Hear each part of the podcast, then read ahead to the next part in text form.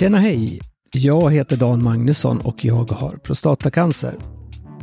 Idag tänkte jag prata lite grann om mig själv och mitt eget status eller liksom bristen på självinsikt om min egen status.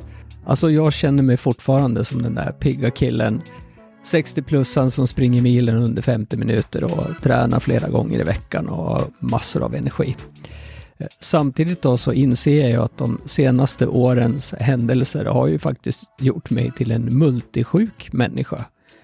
Jag har ju egentligen tre ganska livshotande sjukdomar. Alltså prostatacancer som den här podden handlar om, det är ju en av dem. Anledningen att man upptäckte det, det var ju att jag hade blodproppar. Och, och, där fick jag ju veta vid flera tillfällen av läkare att hade du inte fått behandling så har du ju kunnat dött. Eller du har dött. Eh, ja, hur man nu kan säga det, men jag hade väl åtminstone hamnat på akuten med någon eh, hjärnblödning eller hjärtinfarkt eller någonting. Och den tredje, det är ju att jag har ju biverkningar av operationen av mina ljumskar. Alltså en rutinmässig operation som har lett till att jag har fått tarmvred. För ett och ett halvt år sedan ungefär så var jag inne tre gånger på akuten, två gånger stannade jag över. Och tyvärr så hände det här också i nu i veckan. Det vart helt stopp. Eh, jag kände redan på morgon och jag försökte ja, men liksom bara verka bort det, typ fosterställning och till slut så gav jag upp. Jag kräktes och åkte till akuten. Och där fick jag en slang i näsan där man tömde mig på 7 deciliter äckligt innehåll som kommer från tarmarna och man konstaterade också att det är stopp någonstans. Och det märkliga med det här, det är ju det att då får man ju en kontrasts, kontrastvätska som man, eh, då får jag genom slangen då. Och den gör att det löser upp den här proppen som sitter någonstans, eller där det har fastnat i tarmarna. Och om det inte skulle göra det, då är det ju operation som gäller. Eh, det blir ju ganska akut då, operation. Och, och för mig känns det jävligt, det blir ju väldigt mm, sådär moment 22 då, för ingen vill ju operera mig nu. Uh, inte kanske sen heller egentligen, för att det, risken är att det blir sämre.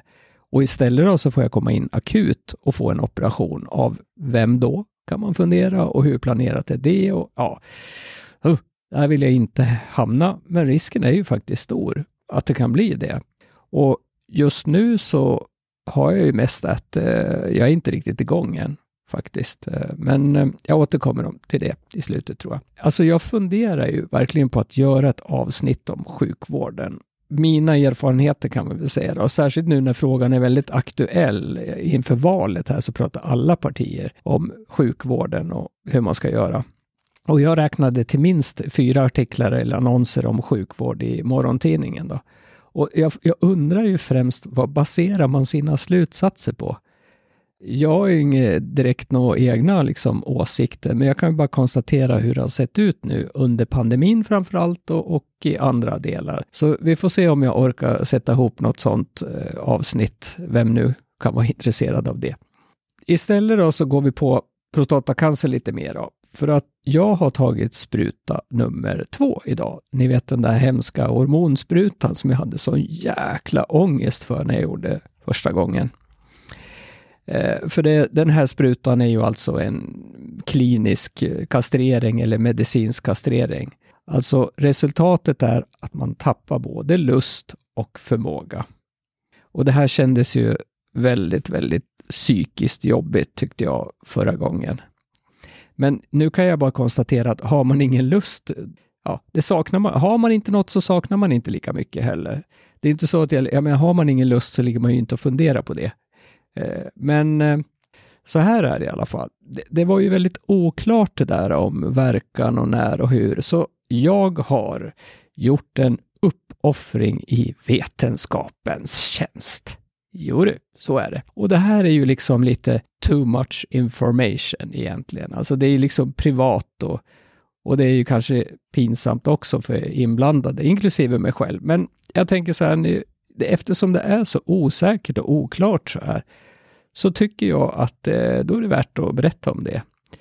Och jag har, alltså vi har alltså, vi ska jag säga, vi har testat två gånger, sex veckor ungefär efter sprutan nummer ett och 12 veckor efter sprutan. Det var ju alltså bara några veckor sedan. Och i korthet kan jag säga att klart fungerande erektion, orgasm fullt möjlig, men ingen spermaproduktion. Ja, och det var ju jäkligt förvånande båda gånger. Sen är det ju så här att, jag menar, egentligen så är det liksom, det är verkligen vetenskapens tjänst, för jag har ju som sagt var ingen lust och det tror jag inte heller min fru har. Och det är väl, det kanske varit de här två gångerna bara för prov då. Men vi får se. Jag tror att rådet är att efter strålning också så ska man försöka så fort som möjligt liksom att få erektion för de här svällkropparna och liknande då. Ja, ja, men det känns, just nu så känns det inte viktigt alls. Men jag har ju fått reda på av kontaktsköterskorna och även andra att det här är den viktigaste frågan för alla som nyligen har fått beskedet om prostatacancer. Alltså man är jäkligt orolig om sin erektion och sin manlighet överhuvudtaget.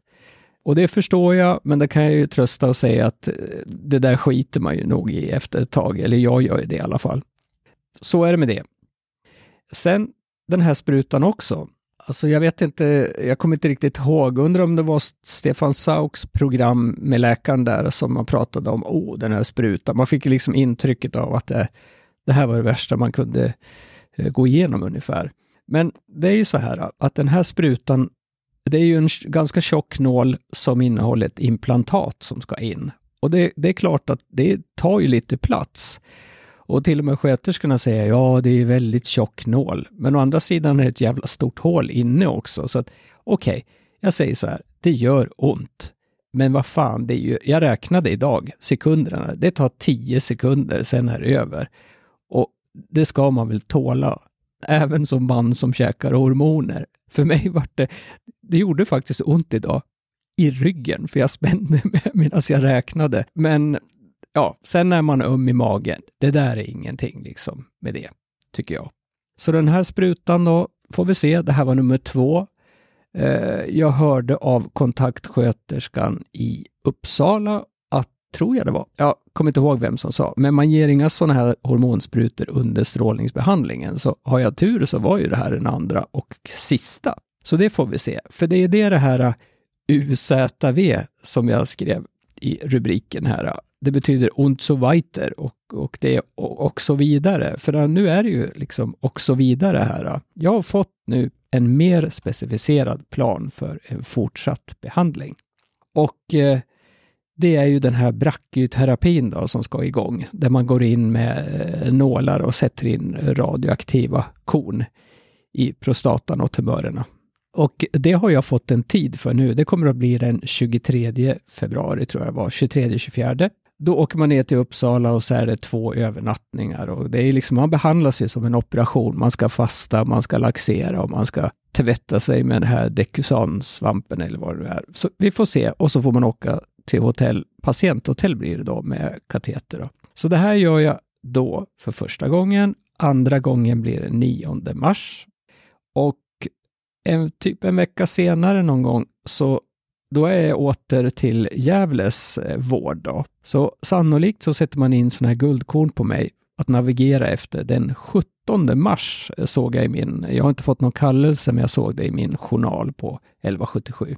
Och därefter är det oklart då. Jag har ingen liksom strålningsplan på tiderna, men enligt kontaktsköterskan så ska hela den här behandlingen ske inom sju veckor. Eh, hur man nu får ihop det, för jag tänker att Mm, ja, det, det, det, kommer ju att bli längre. Jag tror ju bara fem veckor som är själva strålningen. Så vi, ja, vi får se. Jag återkommer om det. Och jag tycker ju ändå att snart så ska jag ändå gå in i den mer behandlande fasen. Ja, men det är ju behandling det här också. Jag käkar ju hormonerna och de funkade. Eh, vad var det sist? 1,3 var PSA. Så att jag menar, nu är ju, nu, nu får man ju se, jag kommer att se nästa så att jag drar igång en ny säsong här på podden. Eh, jag fortsätter att numrera som vanligt, men jag känner liksom att det blir, ja, det blir intressant. Det är liksom skräckblandad förtjusning får jag väl säga. För att jag vet ju inte vad som komma skall egentligen. Eh, men eh, det, det, får vi ju se. Jag känner i alla fall att det är bra. Nu vill jag komma igång med det här. Ja, återigen så får man ju ställa det här i relation till om det hade blivit en operation, då hade jag varit klar för ett halvår sedan, typ.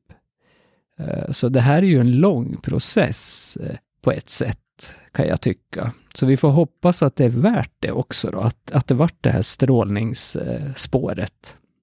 Men vi får se. Sen är det så här också, jag kör ju på med min firma än så länge också och jag vet inte om ni märker att jag testar lite olika utrustning här i podden. Eh, oftast är det att jag testar olika mikrofoner, men det gör jag här i studion. Och jag hoppas väl ändå att jag ska få ork och tid att spela in på plats också, till exempel under brachyterapin, kanske från patienthotellet eller någon gång nere från onkologen och strålningen på i Gävle. Vi får se hur det blir med det. Men det, jag tycker det är kul att testa. Alltså det här med poddformatet är ju himla eh, roligt. Vi ska spela in en live-podd eh, nästa vecka, så att det finns en stor variation i det här.